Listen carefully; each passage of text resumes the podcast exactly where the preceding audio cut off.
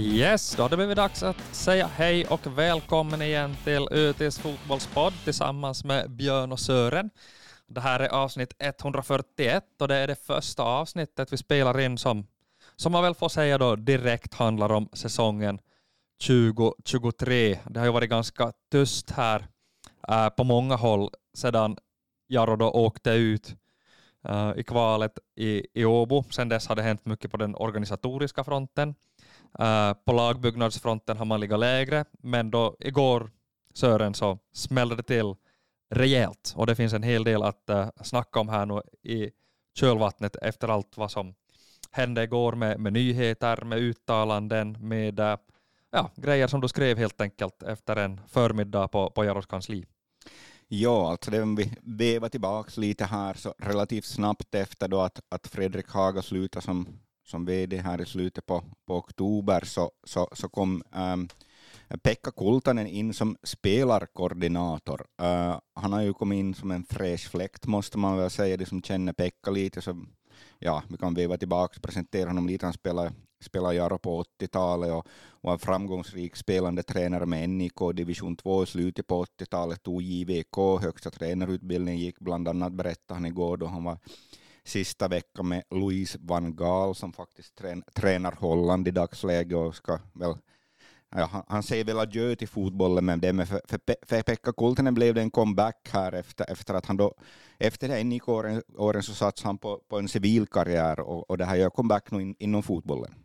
Ja, eh, man kan väl säga att de som tillhör min generation, det vill säga typ 80-talisterna och, och yngre, så vi, vi har ju inte direkt någon relation med Pekka Kultanen. Han spelar ju då Jaro som du sa lite tidigare och efter det så har han inte direkt varit inne i in i, i, i det här liksom Jaro-familjen och Jaro-systemet på, på det sättet, utan han har satsat på, på annat. Så han, han är ju på många sätt en ganska okänd äh, kraft för oss, äh, för oss lite yngre äh, lyssnare, läsare, Jaro-följare, även om de många känner igen namnet eftersom det figurerar ibland när man så att säga, pratar om gamla Jaro-hjältar. Äh, så när det här namnet dök upp som en nyhet att nu har jag ny spelarkoordinator, det är Pekka Kultanen, så, så visste jag först inte riktigt vad jag skulle tänka och tycka och uh, tro. Uh, men det som jag nu kan säga, som du var inne på här Sören, efter någon, någon månad, det är ju att, att det man i varje fall kan säga att han, han kommer in med en sorts uh, energi, en sorts, någon sorts självsäkerhet och självklarhet kanske som, som jag då förhoppningsvis kan, kan dra nytta av och, och, och, precis som du har skrivit också så är det ju så att han, han är ingen kostnadspost heller för klubben, utan han kommer in och gör det här på, på, på talko, så på, på det sättet så, så är det ju svårt att se sådär speciellt negativt på det här. Ja, ser vi rent personlighetsmässigt så, så skulle jag säga att det finns, finns likheter då, äh, äh, mellan Jimmy Varg faktiskt och Pekka Kultanen då man talar om personlighet och engagemang och allt det här och, och energi som man tillför en organisation. Det, det är båda väldigt viljestarka vinnartyper skulle jag beskriva dem som. Så på det sättet så, så eh, man kan inte jämföra dem rent av, rent av men just i, det, i den bemärkelsen så, så, så, så, så kan man se en viss mån som, som att kliver, kliver in i, i, det här, i det tomrum som, som Jimmy Varg lämnar efter sig. Och, och har ju, han har ju då ett, en, en gedigen sportslig och en gedigen Jaro-bakgrund, Pekka Kultanen förvisso, det, det, det är långt tillbaka i tiderna, men, men, men, i alla fall. Och sen har han ju jobbat inom den här kommersiella världen med försäljning. Han har varit försäljningsdirektör för Hartman i, i, i, då det gäller Hartman i hela Finland, så, så att han är ju, han är, han är på det sättet också lite, lite, lite Jimmy Varg-lik, att han har det här försäljare, försäljar och, försäljare och fotboll. Och som vi har pratat om här många gånger så är ju den här biten så otroligt viktig. Och nu kommer han ju in som spelarkoordinator, inte i första hand som försäljare. Men om jag har förstått dina reflektioner rätt Sören, så, så är det ju så att äh, äh han kommer att, att kunna bidra på, på flera håll. Så tror jag att han har ju ett, han har ju ett gediget nätverk här i Jakobstadsregionen. Uh, om man tänker då den här nya operativa chefen Tobias Strand som kommer in, var 27 år tror jag, 27-28 i alla fall, relativt grön, relativt orutinerad, inte varit bort härifrån ett tag. Så att, att, att få en, en, en Pekka Kultanen typ där som mentor i, i det här sammanhanget så, så tror jag kan i bästa fall bli en, en, en lyckospark för, för alla. Hur, hur bedömer du då Sören de här ska säga, relationerna kring Jaros A-lag då, då nu finns det plötsligt tre personer kring det här laget. Vi har nya tränaren Steven Ward som vi har orsakat att återkomma till. Vi har Chris Hackstep som fortsätter. Och så har vi då Pekka Kultanen i den här spelarkoordinatorsrollen eh, som ju då har sagt att han är ingen direkt tränare, man kommer att samarbeta nära med, med laget. Hur ser du på den här rollfördelningen där till exempel, och då när det kanske i första hand gäller spelaranskaffningar? Hur kommer det här samarbetet att uh, se ut? Eh, jag ser faktiskt jättepositivt på, på, det, här, på det här som sker i Jaronu. Uh, som en fjärde väldigt stark aktör får vi förstås räkna ordförande Mikael Eklund. Här, om vi ser då Mikael Eklund och Chris Hackstepp står då för en viss kontinuitet av de här personerna, för det, det har ju varit tidigare med i organisationen. Uh, men vi ser Mikael Eklund, Steven Ward, uh, Pekka Kultanen, de känner varandra alla sedan tidigare. Eh, det är väl bekanta, eh, både Steven Ward och och Pekka Kultanen har jobbat för Hartman. Äh, Mikael Eklund åtminstone har varit i styrelsen för Hartmans. Äh, Mikael Eklund har varit eh, spelare under Pekka Kultanen i NIK. Äh, så de, känner, de här känner varandra från förr och jag tror att, att det, det, det, i, det, här, det rör sig så lite, pass lite pengar som det rör sig inom fotbollen här, så att ha ett, ett så kallat kompisgäng på en tre, fyra personer som drar det här och har roligt. Jag tror det är just så som man måste göra för att, för att få maximalt uttag eh, ur det här som vi kallar Jaro. Mm, det, han är på något sätt ger sken av att vara en väldigt intressant person, äh, Pekka Kultanen. Han verkar rak, tydlig i kommunikationen och det där kommer ju alltid med fördelar och, äh, och nackdelar. Uh, och det ska bli mycket intressant att följa hans, uh, hans väg här nu då. Han har ju bland annat, tycker jag, ett mycket intressant uttalande i den här uh, texten som, som vi publicerar idag då, både i papperstidningen och på, på webben, där han går rakt ut och säger att fjolårets spelare utifrån, det vill säga då räknar jag in både utländska förstärkningar och de här Eh, som så att säga kom från, från annat håll i, i Finland, att, att de är för dåliga, de är inte aktuella, de håller inte måttet, de ska ha nya, bättre spelare utifrån. Eh, och det här är ju ganska mycket sagt, får man ändå säga, när man tänker att Jara förra året hade lyckade förvärv som Jami Kyöstilä, Alhajigero. Uh, eh, på uh, Jacob Bouchou var förväntningarna kanske lite högre, men han var nog definitivt ingen, ingen flopp, framförallt inte mot slutet av säsongen. Uh, så här blir det nog intressant att följa upp att, att kom, har Pekka Kultanen på fötterna här, har han de kontakterna, har han det liksom nätet att kunna plocka in de här spelarna utifrån som ska kunna överglänsa de här. För att några mer pengar har ju inte Pekka Kultanen att röra sig med än vad fjolårets lagbyggare hade. Tvärtom, spelarbudgeten kommer att bli mindre, så, och det är onekligen här en hög svansföring för en som har varit bort från fotbollen så pass lång, så lång tid som Pekka har varit.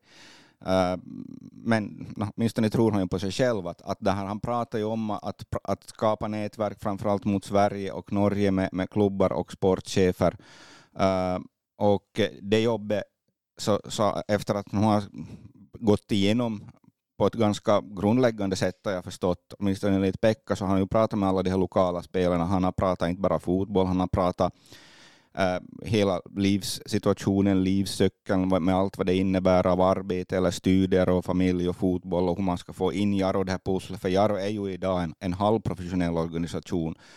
Uh, och, och det här, ehm, ja, den här diskussionen tror jag är bra för att, att, att, att de här ändå ungdomarna vi pratar om här, att de får någon form av om de får någon form av livscykelcoach, att det är bra att de har några andra, kanske en föräldrar och kompisar att prata med. Här har man någon inom Jarat att prata med som har en lång karriär inom näringslivet, vet vad fotbollen handlar om på den här nivån.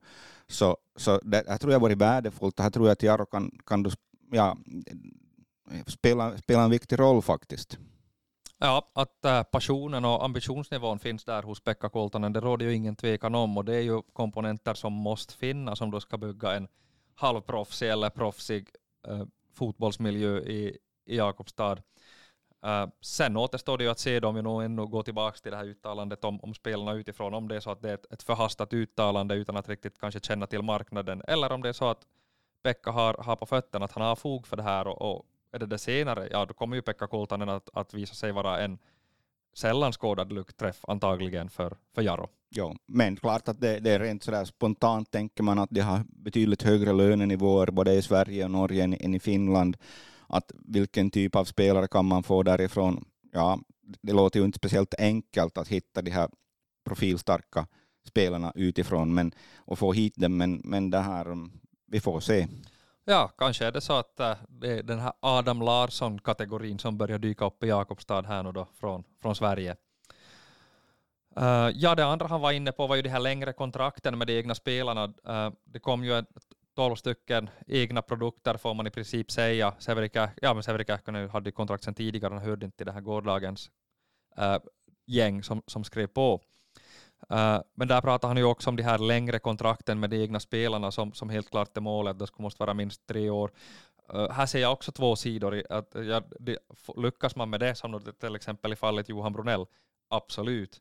Uh, men om, om man tänker sig att man, man ska göra det till en regel att man ska liksom börja göra, egna, göra treårskontrakt senast i juli med de här egna, juli-augusti, där med de här egna, så finns det ju också risken för det här att det, att det slår tillbaka, att de här 19, 20, 21-åringarna inte är villiga att fatta beslut på så, uh, på så lång sikt. Och, och, och det här och vet ju alla hur fotbollsvärlden ser ut, att den är, den är väldigt föränderlig och, uh, och sådär. Att, att finns det då en risk att de här unga egna produkterna på något sätt drar sig för för, för de här samtalen, för de här kontrakten och, och, och då istället i värsta fall kanske hamnar, hamnar någon annanstans eller, eller väljer någon annan väg i livet än fotbollen. No, den risken kan ju förstås finnas, men vi såg ju här nu att det blev en rad i ettåriga kontrakt och det kanske inte fanns den här beredskapen och mognaden att, att den, här, den här tankeprocessen som i bästa fall har satts igång här nu i samtalet mellan Pekka och spelarna så, så, så, så leder till den mognaden. Sen handlar det ju också om ett förtroende här att om Uh, pratar mycket om att, att de, de här, framförallt de här yngre spelarna, men också äldre, äh, att de kan fara att man får de här kontakterna, de kan fara och träna, de kan fara och visa upp sig, de har en, de har en fast transfersumma, pra, pratar om i kontrakter som kan röra sig mellan 70 och 90 000 som de får fara för. Um, vilket, uh, om, om, om de här spelarna känner att, att, att jag är en bra skola, att det är bäst, det bästa sättet att främja sin karriär och att de på något sätt inte är fast om de har ett treårskontrakt. Så, så varför skulle de då inte vara beredda att göra det? Men det, det är väl liksom, tiden får väl utvisa, det, det är väl lite också en förtroendefråga.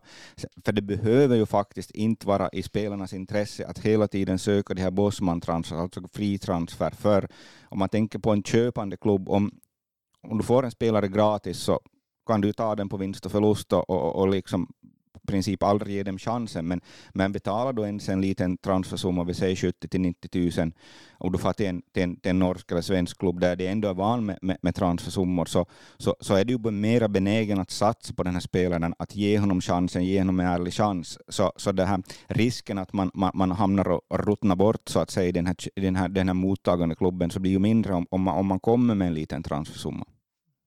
Ja, som någon sorts sammanfattning kring den här Pekka Kultanen-diskussionen så kan man väl säga att, att allt, allt han säger, allt han tänker sig kring Jaro så låter uh, väldigt bra. På det teoretiska planet så är det ju så här man vill att saker och ting ska skötas, att det är så här det ska se ut.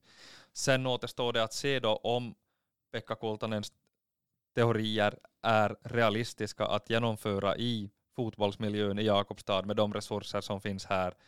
Uh, och det blir väl ett intressant test. Vi har inte riktigt det här är lite nytt i alla fall för mig. Jag har inte sett och hört liksom det snackas kring Jaro på det här sättet tidigare. Uh, så det ska bli väldigt spännande att följa att, att är, det, är det här realistiskt? Är det inte realistiskt så då lär vi ju märka det här fram emot sensommaren. Uh, men, uh, men, men fungerar det här så är det ju så blir det väldigt spännande.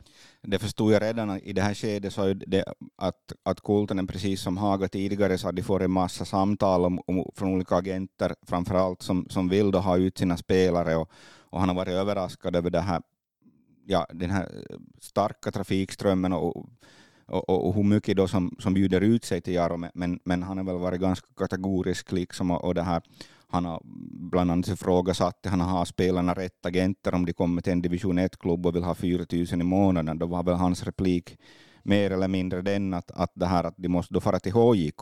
Då säger agenten okej, okay, men, men min spelare är ännu inte redo för HJK, så säger Kultanen att uh, då, det är inte heller tillräckligt bra för oss. Så det, det, är ungefär på den nivån det rör sig Och, Och sen om det här leder till till, till, till, till att man, man, man hittar de här spelarna och får avtal med de rätta spelarna till Jaro som sagt, så det får vi se här under våren, sommaren. Men det är klart att att, att nu, nu, har man, börjar man bygga något nytt, Äh, äh, delvis på ny kula, men, men det här att, att det är klart att de här spelarna nu, det här laget som de har nu som måste förstärkas. Sen är det ju frågan om vad, man har, vad, vad har man för, eh, börjar man bygga något nytt nu, eller går, vad går man ut för, med för målsättning i år? Ja, eh, men bågen spänns i alla fall, det kan vi säga, när det, när det gäller eh, vad, vad man vill värva, verkar det som i varje fall. Och, och eh, ja, som sagt, det är en lite ny situation. Det är, det är intressant att, att höra de här Pekka Kultanens tankar och, och, och, som sagt, det får vi se då om det stupar på realismen eller, eller om det här är liksom någon sorts, om det är en liten av en nyordning som, som gäller i Jaro. Sen måste man säga att det, det enda treåriga avtal som kom nu var Johan Brunell och det, det kan ju verka lite kanske märkligt om man ser till hans ålder. född 91 var Johan, han är då fyller, han är 31, fyller 32.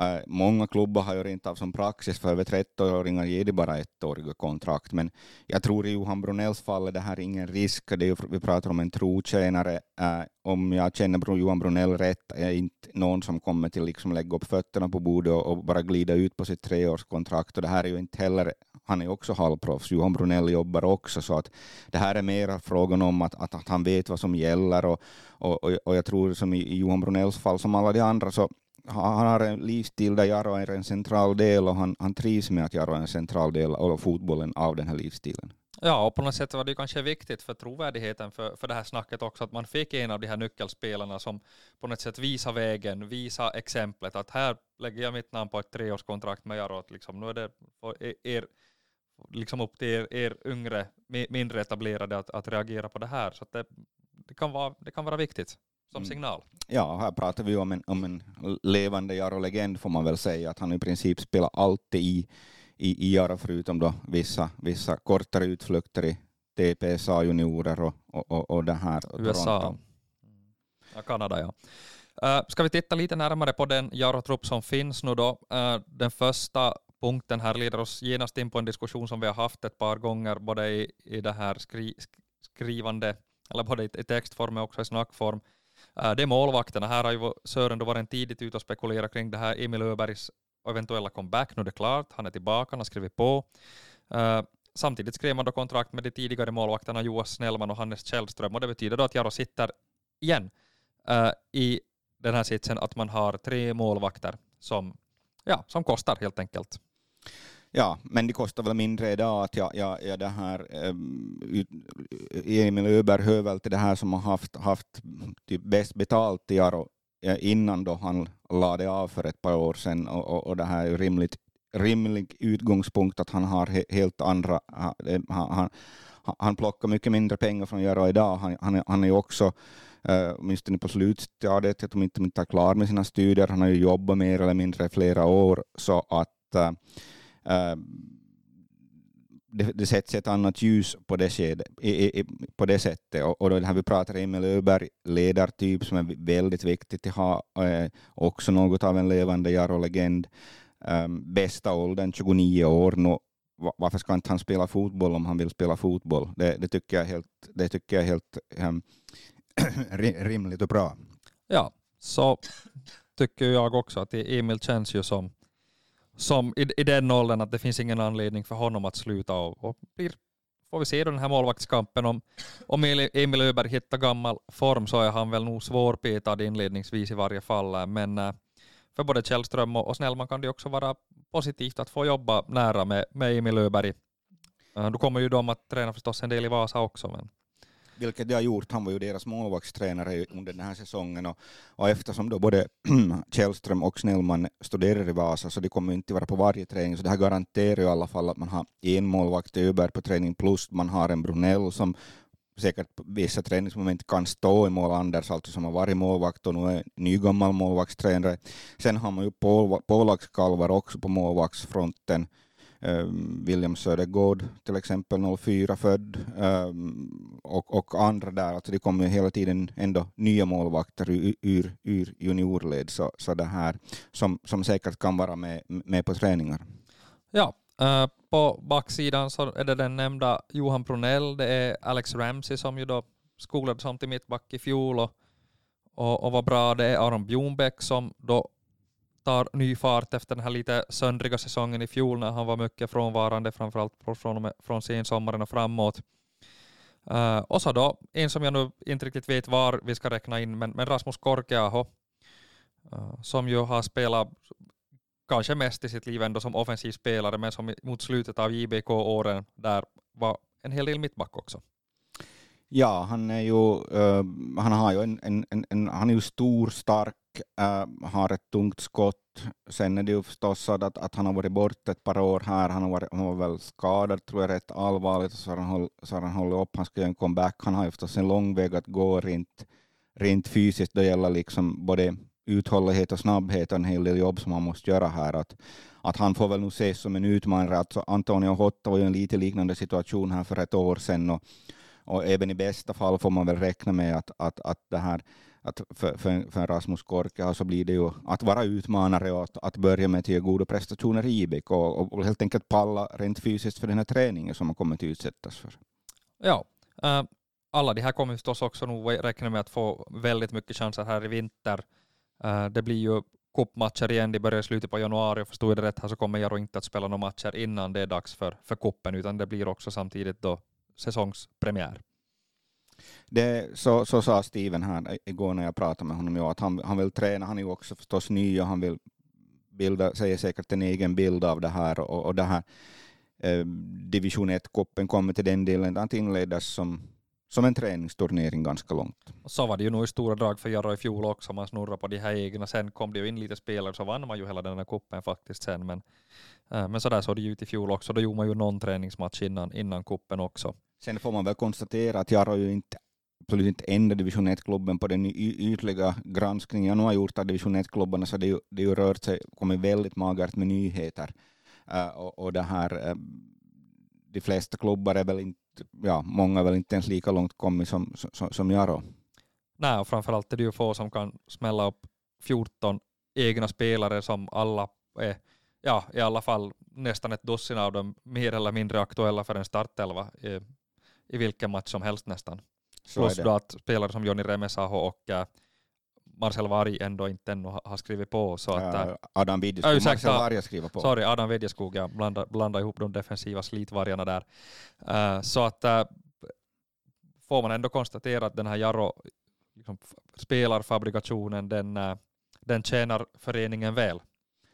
Så är det, de kommer ju ofta, de pratar om att lyfta upp då en, en, en fyra så kallade ja, junior, junior utvecklingsspelare som då som, som, de hade ju några 02 år här som hade treårskontrakt och då kan man väl tänka sig spontant att, att spelare som har varit där i gränsmarkerna, typ en Ronny Björkskog, kanske en Sebastian Huldén och sådana kan, kan ligga rätt nära till hands. Men, men det här är ju mera då kategorin påläggskalvar som, som, som är och tränar med Jaro, men säkert kommer till största delen förmodligen att spela med, med, med JBK. Tittar vi li, lite mer på de här namnen som är, som är klara, så på mittfältet så är det då etablerade spelare som Markus Kronholm, Jim Myrevik, Marcel Varg, som alla skrev på, som alla, när de nu skrev på exakt vilken dag ska jag inte säga, men, men det, det offentliggjordes igår. Eh, Benjamin Östman som kommer från en stark höst där han var mycket viktig när JBK säkrade kontraktet. Antonio Hotta fortsätter. Uh, och sen tidigare hade man ju kontrakt med både Severi Kähkönen och, och Albin Björkskog. Uh, I Albins fall så lär det väl ta ett tag ännu innan han är redo efter sin uh, korsbandsskada. Ja, för han, han blir ju en viss, viss uppförsbacke här från början, men många av de här spelarna som nu har kontrakt så är, ligger ju i en positiv utvecklingskurva. Man, man ser att det blir bättre. Uh, du nämnde Benjamin Östman, en sån sak som kan, en spelare som kan få någon form av genombrott. Det beror ju på också förstås hur laget bygg, byggs upp, att nu var det ju som mördande konkurrens i årets trupp på mittfältet, att, att, att kommer det beredas, beredas chanser för uh, att, att ta en plats på mittfältet, vilket då i, mm, enligt mig i alla fall är hans, hans bästa position. Uh, Marcel Varje är en spelare som kan utvecklas till exempel. Uh, ja, det finns många andra så, så att inte hade ju heller, ska vi säga Markus Kronholm en, en, en optimal säsong Äh, I bästa fall, fall får de här samtalen med, med Kultanen, Markus Kronholm att, att tända till och, och, och, visa på allvar vad han kan. Ja, så här ser väl läget ut i Jaro ungefär då när vi snackar början, mitten av adventstiden här i december. De öppna träningarna är igång. Äh, de officiella träningarna brukar ju dra igång där vid kring 13 dagen, kanske strax efter. Äh, men ja, det, det ser väl ändå ska säga, det ser intressant ut. Eh, många, många obesvarade frågor. Eh, men, men, men inte minst den här nya den nya svansföringen från Jarro med Pekka Kultanens uttalanden och, och den här självsäkra stilen som, som man nu går in i den här säsongen med försäsongen så ska bli väldigt spännande att se var, var den landar. Äh, absolut. Um, och på något sätt är det som härligt med har en Pekka Kultanen som då spelar Jarro. Han började framgångsrikt en tränarkarriär, kom fram till att han inte vill då flytta vart andra eller tredje år runt och, utan att satsa på en civil karriär. Okej, nu har han Eh, pensionär och, och, och, vill göra sin sista insats här för Jaro och, och fotbollen. Jag tycker att det, det finns, ja, finns mycket positivt med det. Ja, det känns sympatiskt och, och det här när det gäller vem, vem vi ska ha in i poddstudion här så, så hoppas vi förstås på att, att vi ska lyckas eh, krångla hit både Pekka Kultanen i något skede och, och givetvis nya tränaren Steven Ward också, men eh, ja, Steven Ward har ju inte ens börjat eh, officiellt ännu och, och, och, vi ska väl kanske låta den bli lite varma i kläderna innan vi, vi tar in dem hit och, och, och grillar dem i, i studion. Ja, faktiskt idag, idag far, far Steven ännu skulle han till, till eller där har du den här regionlagsturneringen där då från Jaros led finns med Ludvig, Ludvig Nyman, 07 född faktiskt, och, och det, här, det alltså Jussi Nymans pojk som är både JBK-ordförande och också Jaros B-juniorers nya chefstränare. Så att det visar hur, hur, det här, hur det, går in i varandra, de här nätverken här i, i Jakobstadsfotbollen. Jag kan väl Eh, Jussi Nyman på många sätt personifierar, Jag tycker på ett bra sätt, för det garanterar på något sätt att den här kommunikationen och det här samarbetet eh, fungerar. Att där får Jussi stå och prata med sig själv om, om vem som ska spela var och, och, och bolla också bortåt. Um, uh, B-juniorerna, där dessutom så är Daniel Jocke Snellman som är också kan man säga, en, en Jaro-legend, så han, han, fortsätter där med den årsgruppen. Och, och ny faktiskt hört jag, hört jag här, vad det är igår visst, att, att Markus Kass då, uh, som en också tidigare Jaro-spelare som också figurerar inom damfotbollen, eh, uh, hans son Felix hör till det här mera lovande, han var visst på reservlistan för det här regionlaget, så han, han kommer till vara med i det här i, i, i, som en av tre tränare där i, i B-juniorerna. Så det, det låter som he, he, helt, helt bra besättning där också. Yes. Uh, därmed tror jag att vi börjar avrunda den här podden för säsongen för 2023. Känns som att den här med också är då igångsparkad och vi fortsätter att följa den uh, i alla våra kanaler. Ni, ni missar förstås inte att gå in där på, på webben. Där bör, kommer det förstås som alltid en hel del Jaro-nyheter. Följ oss gärna på på sociala medier där vi delar mycket av, av fotbolls och Jaro-materialet. Uh, och så är podden tillbaka. Det blir ju mer oregelbundet den här årstiden, det är väldigt beroende på när saker och ting händer. Men, uh, men definitivt ska, vill vi ha in både tränare och spelarkoordinator i studion och nyheter ska följas upp och så vidare. Så fortsätt att hänga med. Ni kan ju också lyssna på podden på, på Spotify, på Apples podcast och ni hittar den också på på sajten. Men följ oss till exempel på, på Spotify så, så missar ni garanterat ingen podd. Uh, och därmed tror jag att vi tackar för, för den här gången.